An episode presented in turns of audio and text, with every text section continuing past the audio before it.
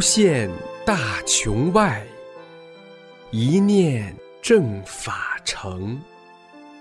师尊慈悲愿，万物沐春风。请听明慧专题《一师恩》。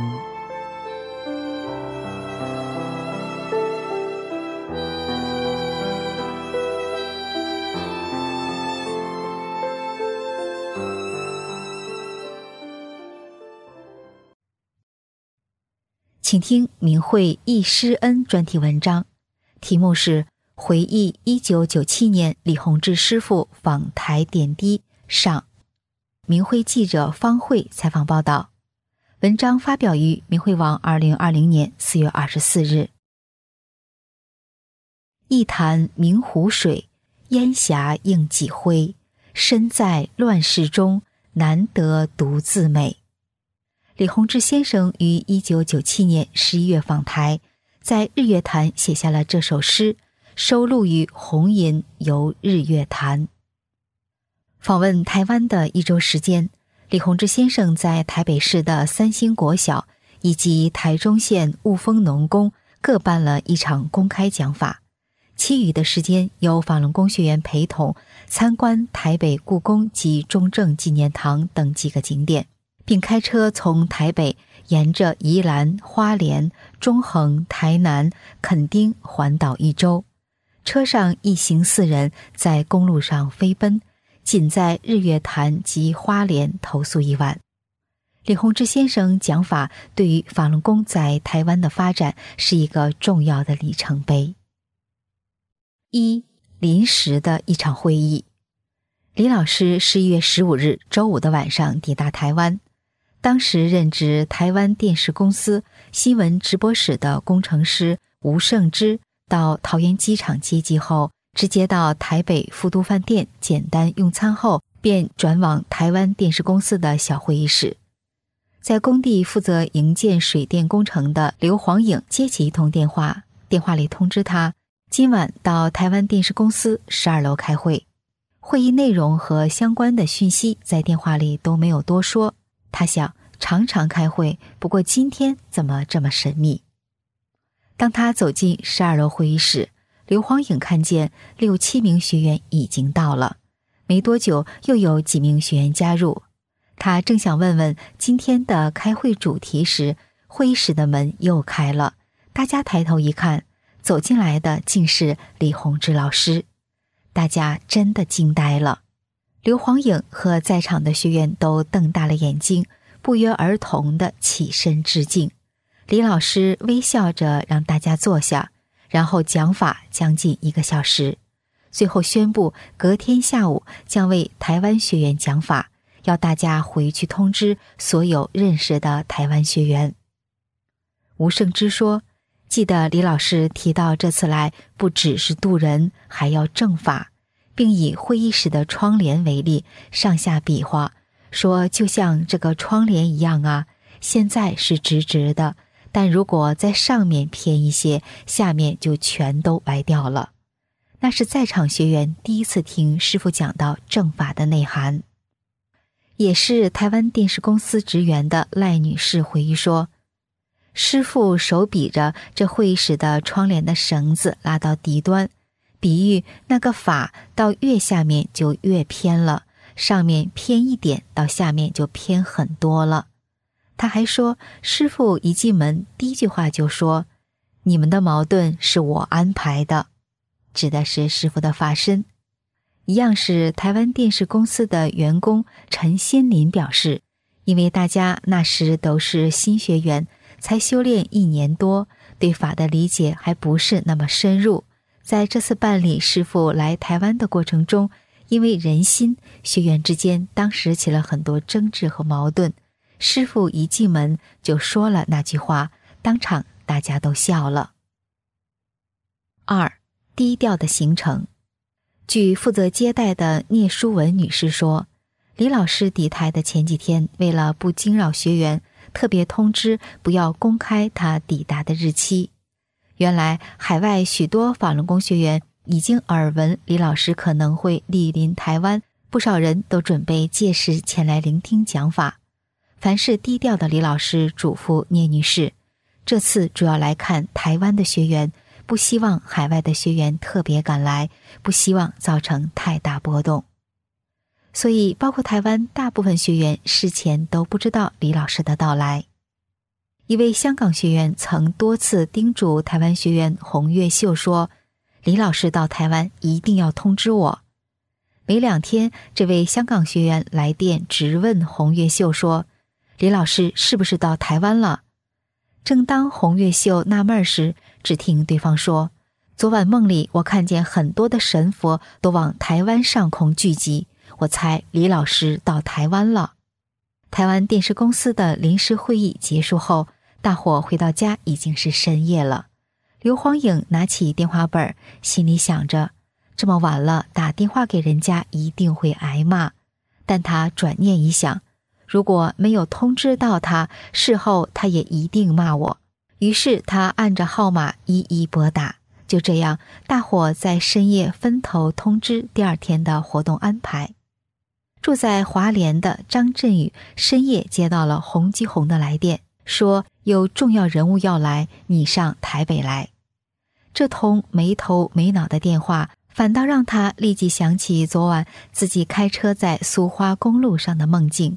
他意识到那位重要人物就是李老师，他立即联系花莲当地的学员朋友，凌晨开车走苏花公路到台北。当晚，刘黄颖拨打完电话后，却因为心情兴奋而睡不着觉。而像他一样兴奋等待的人还有许多，其中包括台湾大学经济系教授叶淑珍。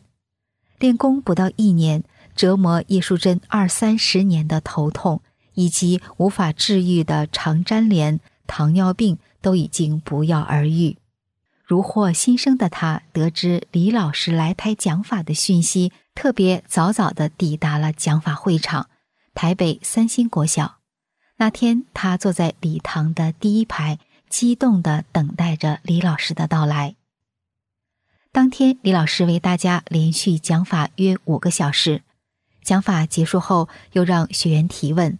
会场内有一千多名从台湾各地赶来的听众，其中超过半数是尚未学练而慕名前来的人。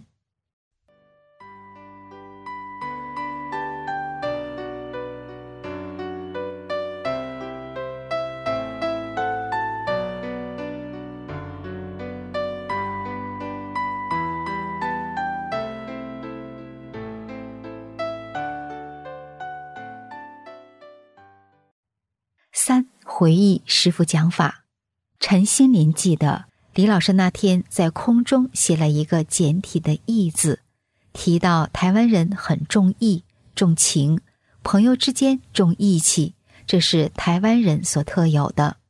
当时台湾大都是新学员，更有为数不少还没修炼的，所以当时提的问题非常的粗浅。即便如此。李老师仍旧耐心的一一回答各式各样的问题。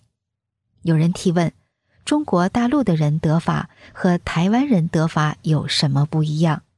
李老师回答说：在大陆没有神佛概念，所以比较难得法；但一旦得法后，却很坚定不移。台湾人什么宗教都接受，很容易得法，但也容易不专一。李老师当时还说。以后大法在台湾会红传的很好。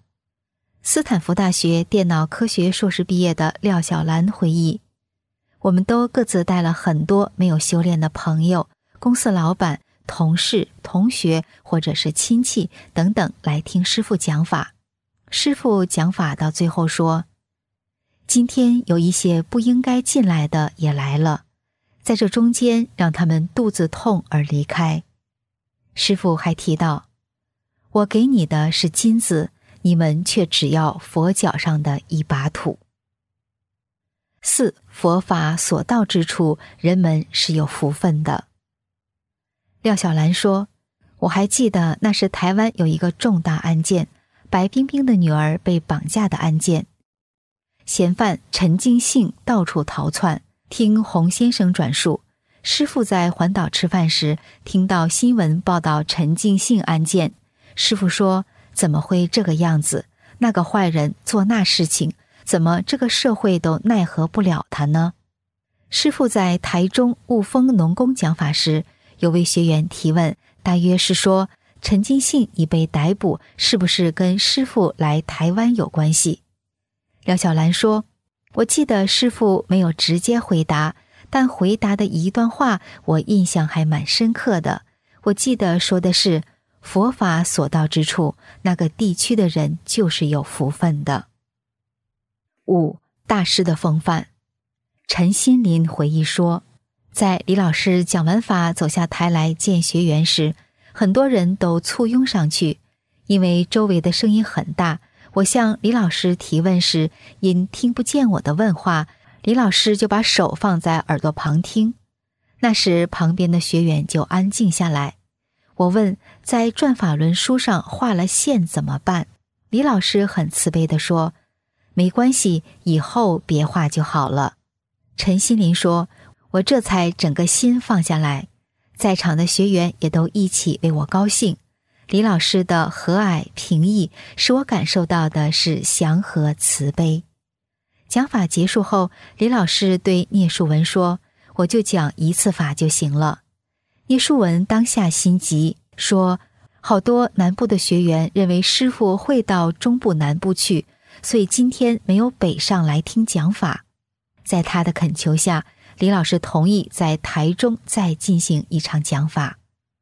在两次的讲法中，有近两千名的听众。绝大部分是第一次亲睹李老师的风范，在讲法会场的休息室里，一群人围着李老师争相索要签名，甚至有些争执。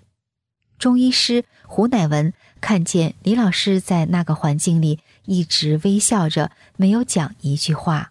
他说：“我就觉得要向这样有修养的人学习，看着就能让人心生欢喜。”于是，还没修炼的他从此决定修炼。负责安排台中讲法场地的邱天喜体会最深的是，李老师没有架子。曾拜师练气功多年的他，所接触到的知名气功师总是高高在上，但李老师看到学员都是笑眯眯的，很慈祥和蔼，而且李老师很准时。讲法安排时间是下午一点。邱天喜注意到一点准时看到李老师走了进来。台中讲法从下午一点到七点，中间只休息一会儿。李老师连水都没喝，中间学员一直请李老师休息一下，老师挥挥手，仍然继续讲。讲法结束后，许多人围绕着李老师，有要问问题的，也有想与李老师握手。当时邱天喜心里有些急了。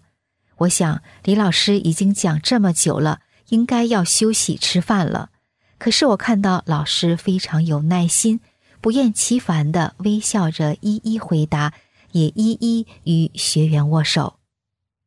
晚餐时，邱天喜听老师解释说，大意是：这些人有很多复杂的想法，脑袋里有抵触的想法。师傅要讲到一个段落，让这些人能理顺。若那时不一次讲完，他就没办法得法。邱天喜这才了解到，李老师是为了让在场的人能有一个清楚完整的认识，所以坚持不中间休息。而最让刘荒颖难忘的，则是在三星国小讲法结束后，当他帮助收拾会场而站在讲台中央时，才发现两旁为摄影而架设的投射灯。直射的灯光强烈到让他睁不开眼睛。他想到李老师就在这儿站了五个小时。吴胜之提到接送师傅时发生的一件神奇的事。他说：“十六号到饭店接师傅到三星国小讲法，为了让师傅方便进会场，将车子开进去并停在了里面。讲法结束后，要载师傅去吃晚饭。”但人很多，车也多，我的车子四周都停满了，没办法出来。心想，为了要赶快载师傅，用硬挤的方式，很奇妙的车就开出来了。六回想，一九九七年陪同李老师参观中正纪念堂的洪基宏先生说，当时跟李老师到中正纪念堂时，他跟老师说，目前台北的学员大约每月一次在音乐厅的旁边集体练功，人数差不多是一二百人。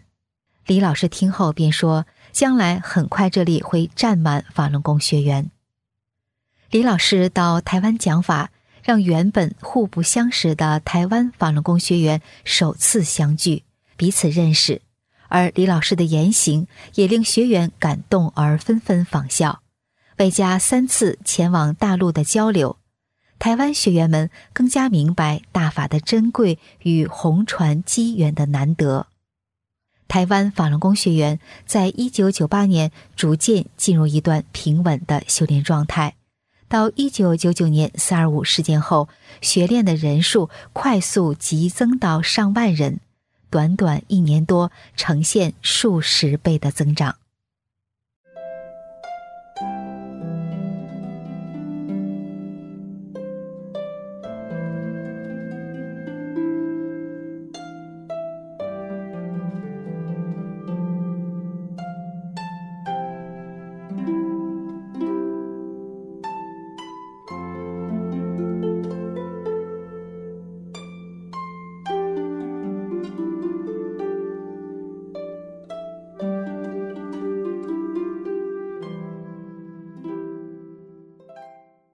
请听明慧易师恩专题文章，题目是《回忆一九九七年李洪志师傅访台点滴》下。文章发表于明慧网，二零二零年四月二十五日，由明慧记者方慧采访报道。接上文，李老师一下飞机就提到要到日月潭及台湾各地看看，接待的学员以为老师要来旅游观光，后来才认识到。那是师傅对台湾的关心。七，故宫最佳导览员。一九九七年十一月十七日，李老师与几位学员来到台湾故宫博物院。洪吉宏为了想让师傅不虚此行，急忙申请导览员为大家解说。不过，没等解说员到来，李老师已径自领着学员参观。大家从故宫三楼一层一层往下参观。李老师如数家珍似的为学员讲解每一件文物的由来、使用方法、当初制造的过程及如何欣赏它的美等等。学员们个个听得津津有味。洪吉红说：“经由李老师讲解，大家才懂得了怎么欣赏这些古物。”洪吉红还记得，当时有一根连故宫文物专家都不知道来历的金黄色骨头，李老师告诉大家那是龙骨。并教学员们用天目看它微观粒子，就是那个龙的形象。洪吉宏不禁觉得李老师知道一切，对天地间的事物，对每件历史文物的来龙去脉都了如指掌。聂树文说，在参观故宫时，我问师傅：“我能修成吗？”师傅回头瞅我，很严厉地说：“得法了，怎么修不成？”他说。师傅带他们参观了整个故宫，对古文物解说的非常详细。洪吉宏接着说：“参观完故宫后，去圆山饭店吃饭，我抢在柜台要付钱，但师傅仍是不让我付账。之后带师傅到中正纪念堂，现称自由广场。我跟师傅介绍说，这里我们建了一个练功点，即音乐厅下方的停车场旁。师傅回说。”这里以后会挤不下，练功人数多。我们也带师傅参观了国父纪念馆。隔天，洪基宏开车携妻子及另一名随同李老师来台的学员，三人陪同李老师由台北出发前往日月潭。洪基宏计划从东部到最南边的垦丁，再从高雄前往日月潭。李老师也答应了这个行程。洪基宏事后说。李老师再三提到要去日月潭，他当时想，李老师难得来台湾，此行一定要好好的带老师游览台湾。途经宜兰，他们去了已移居宜兰的郑文煌夫妇家。当他们抵达郑家，李老师看见墙上挂着郑文煌、何来勤夫妇、两度参加李老师中国济南及广州讲法学习班的照片，以及师傅与学员的合照照片，就一幅幅的看了起来，并说道：“三年多了。”之后，李老师与夫妇俩话家常一个多小时，还问他们夫妻俩在台湾弘法的情况。何来勤回忆，当时弘法用的横幅都是由他女儿手工缝制手写。他请教李老师这样的做法是否合适，师傅告诉我照这样做下去。李老师还问，在美国讲法的录影带拿到了吗？李老师说，在那场听法的都是知识分子，都是很高学位的人，他讲得很深，问我们听过了没有？我说拿到了。何来勤补充说，李老师还特别提到，以后会有很多老师来向何来勤学功。何来清心里纳闷：我学历这么低，认识的人也少，怎会有很多老师来找我学呢？但日后果然许多大学教授都来向他们学练法轮功。最后，李老师请夫妻俩把宜兰的学员都带去台中，台中还有一场讲法。八，一路尽显佛法慈悲伟大。当车开出宜兰前往花莲，在苏花公路途中。洪吉红发现油箱的汽油只剩下一半。当油表快见底时，看到一座大村庄。洪吉红赶紧绕进村子，但是在村子里怎么找都没看见加油站。他急忙问了村民：“请问你们这里有没有加油站？”村民说：“我们这里没有加油站，任何一台车只要在宜兰加满油，都可以到花莲。”师傅一听就说。石油公司怎么不多设一些加油站呢？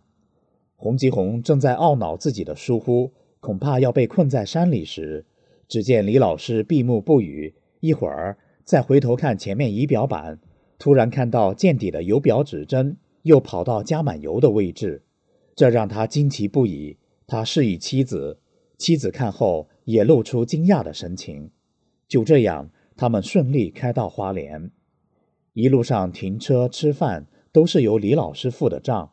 当夜，洪吉红计划投诉于所任职集团旗下的中信饭店。洪吉红拿出信用卡付款，并挡着李老师。他说：“李老师忽然变得很高大，他的手越过我的头，越过柜台，把信用卡拿在手上，笑着说：‘这先保管在我这儿，明天再还给你。’第二天，李老师付了住宿费后。”才还给洪吉红信用卡。第二天早餐时，洪吉红帮李老师端了两个荷包蛋。李老师一看，说：“我不吃生的。”从那次以后，洪吉红才知道不能吃生的食物。离开饭店后，洪吉红心想请李老师到河南寺。这寺在花莲的东边海岸，广清老和尚曾待在这寺庙，写过一本《西方极乐世界游记》。且洪吉红的亲戚在这当和尚，所以一心想李老师入寺参观。我很熟悉这条路线，到哪个地方就知道是快到了。但很奇怪的是，我心想快到了，快到了，但就看不到那个寺庙。过了那个电线口，啊，过了，已过了河南寺。洪吉红停车想回头，李老师说：“往前走，我们不走回头路。”虽然洪吉红继续走，李老师知道洪吉红心里嘀咕着，就说：“广清已在大法中。”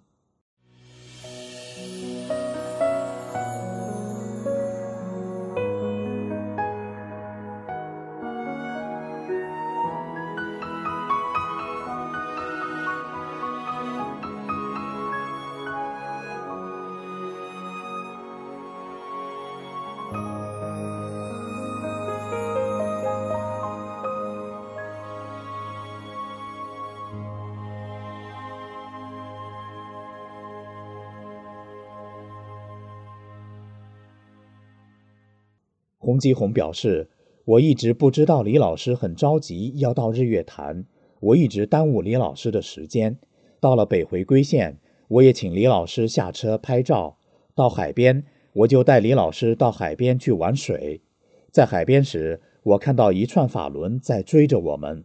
走到东岸某个地点时，李老师说：‘在这几里外的海的中间，两年后会突出一个新的岛屿，这就是两年后的九二幺大地震走山的结果。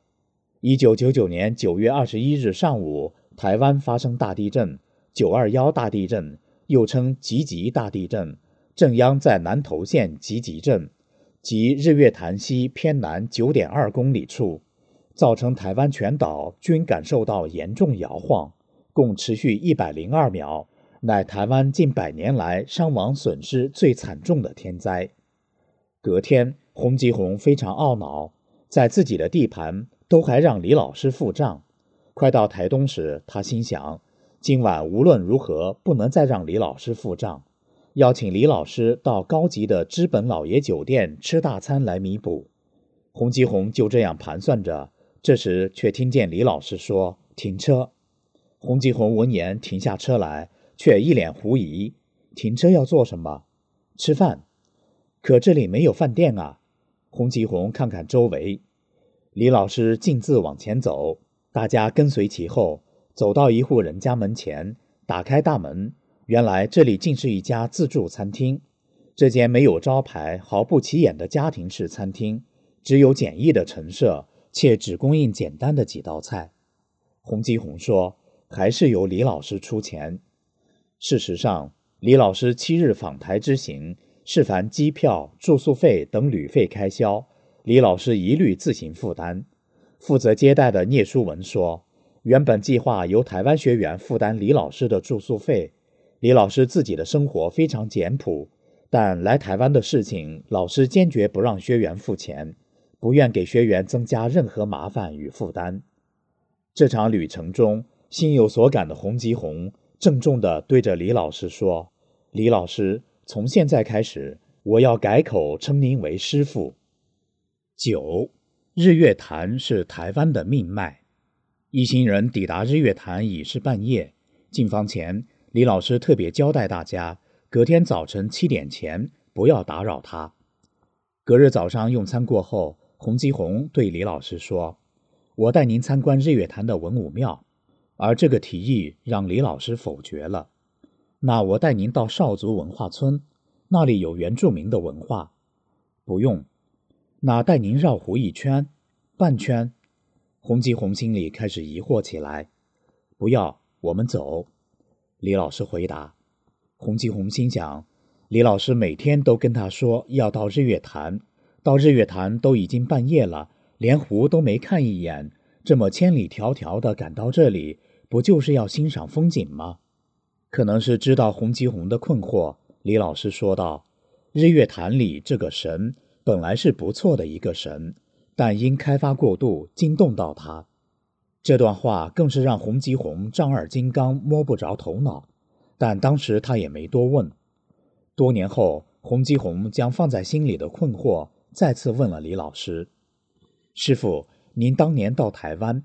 每天都说要去日月潭，结果到日月潭以后，连看都没看就走了。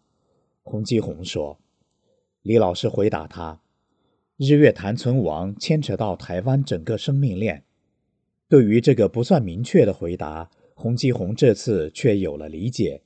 他回想起自己在那趟旅程中，从屏东到垦丁、高雄、嘉义，直到日月潭，每到观光景点。他都请老师下车拍照。有一次，李老师笑着对他说：“你到底又要带我去哪里？”那时他完全不明白李老师赶赴日月潭的心情。就在他们离开日月潭前，李老师递给洪吉红的妻子一张纸条，纸条上是一首诗。这首诗后来收录在《红银》一书中。游日月潭，一潭明湖水。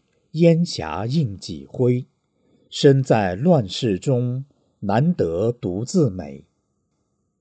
二十一日，洪吉红带李老师参观植物园、历史博物馆，也参观火车站附近的星光三月大楼，当时是台北最高的地标。李老师一进电梯说：“哇，天上的天女正在散花。”李老师还教我们怎么看，要这样从这里看啊。洪吉红说：“但我只看到金光闪闪的东西，白金的东西，看不出天女散花啊。”十，诵经时有幸在听讲法。廖小兰印象很深刻的另一件事是，诵经时李老师在二楼大厅候机室讲法约一小时。虽然那个大厅是在室内，上面是玻璃，我记得李老师坐在那里讲法那段时间，那大厅光线很明亮，阳光洒下来照在李老师身上及送机的学员身上。还有我们在机场照完相后，李老师要进关时，当时是下午时间，出入境的人很多，可当李老师要走进去的时候，周围的人潮突然往旁边散开，让一条通道。让师傅走了进去，很特别，我印象很深刻。李老师也回头，隔着玻璃一直向大家挥手道别，一直到我们看不到师傅时。廖小兰说：“就整体来说，当时大家对于学法的重要性还不够重视，很多学员还是在谈打坐能够坐多久啊。那时李老师有提到，中国大陆的每个辅导员的头上都架着一把刀子。”意思就是他们在那个环境下压力很大。黄春梅记得李老师提到，现在的一天是过去的一秒。陈心玲则说，师傅看到台湾学员非常高兴，并说我还会再来。还有师傅非常亲切，学员们很尊敬师傅，而不敢靠得太近。那时师傅坐在长椅上，一直招呼我们过去坐。我就坐在离师傅还有一个空位的位置，但师傅就一直招呼。后来我坐在师傅旁边。还有一件事，陈心灵印象挺深的。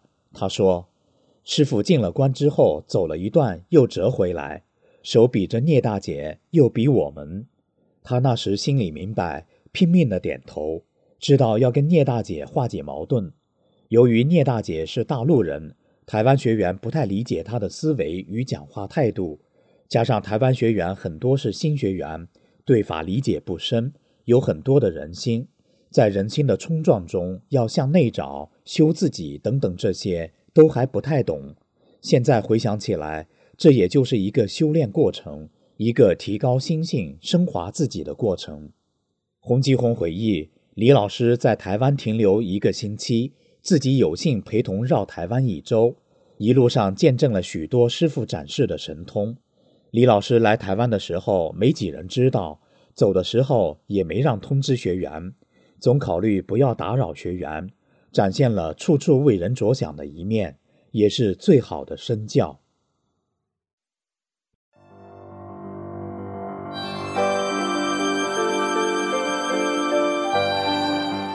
这一期的易师恩就到这里，谢谢收听。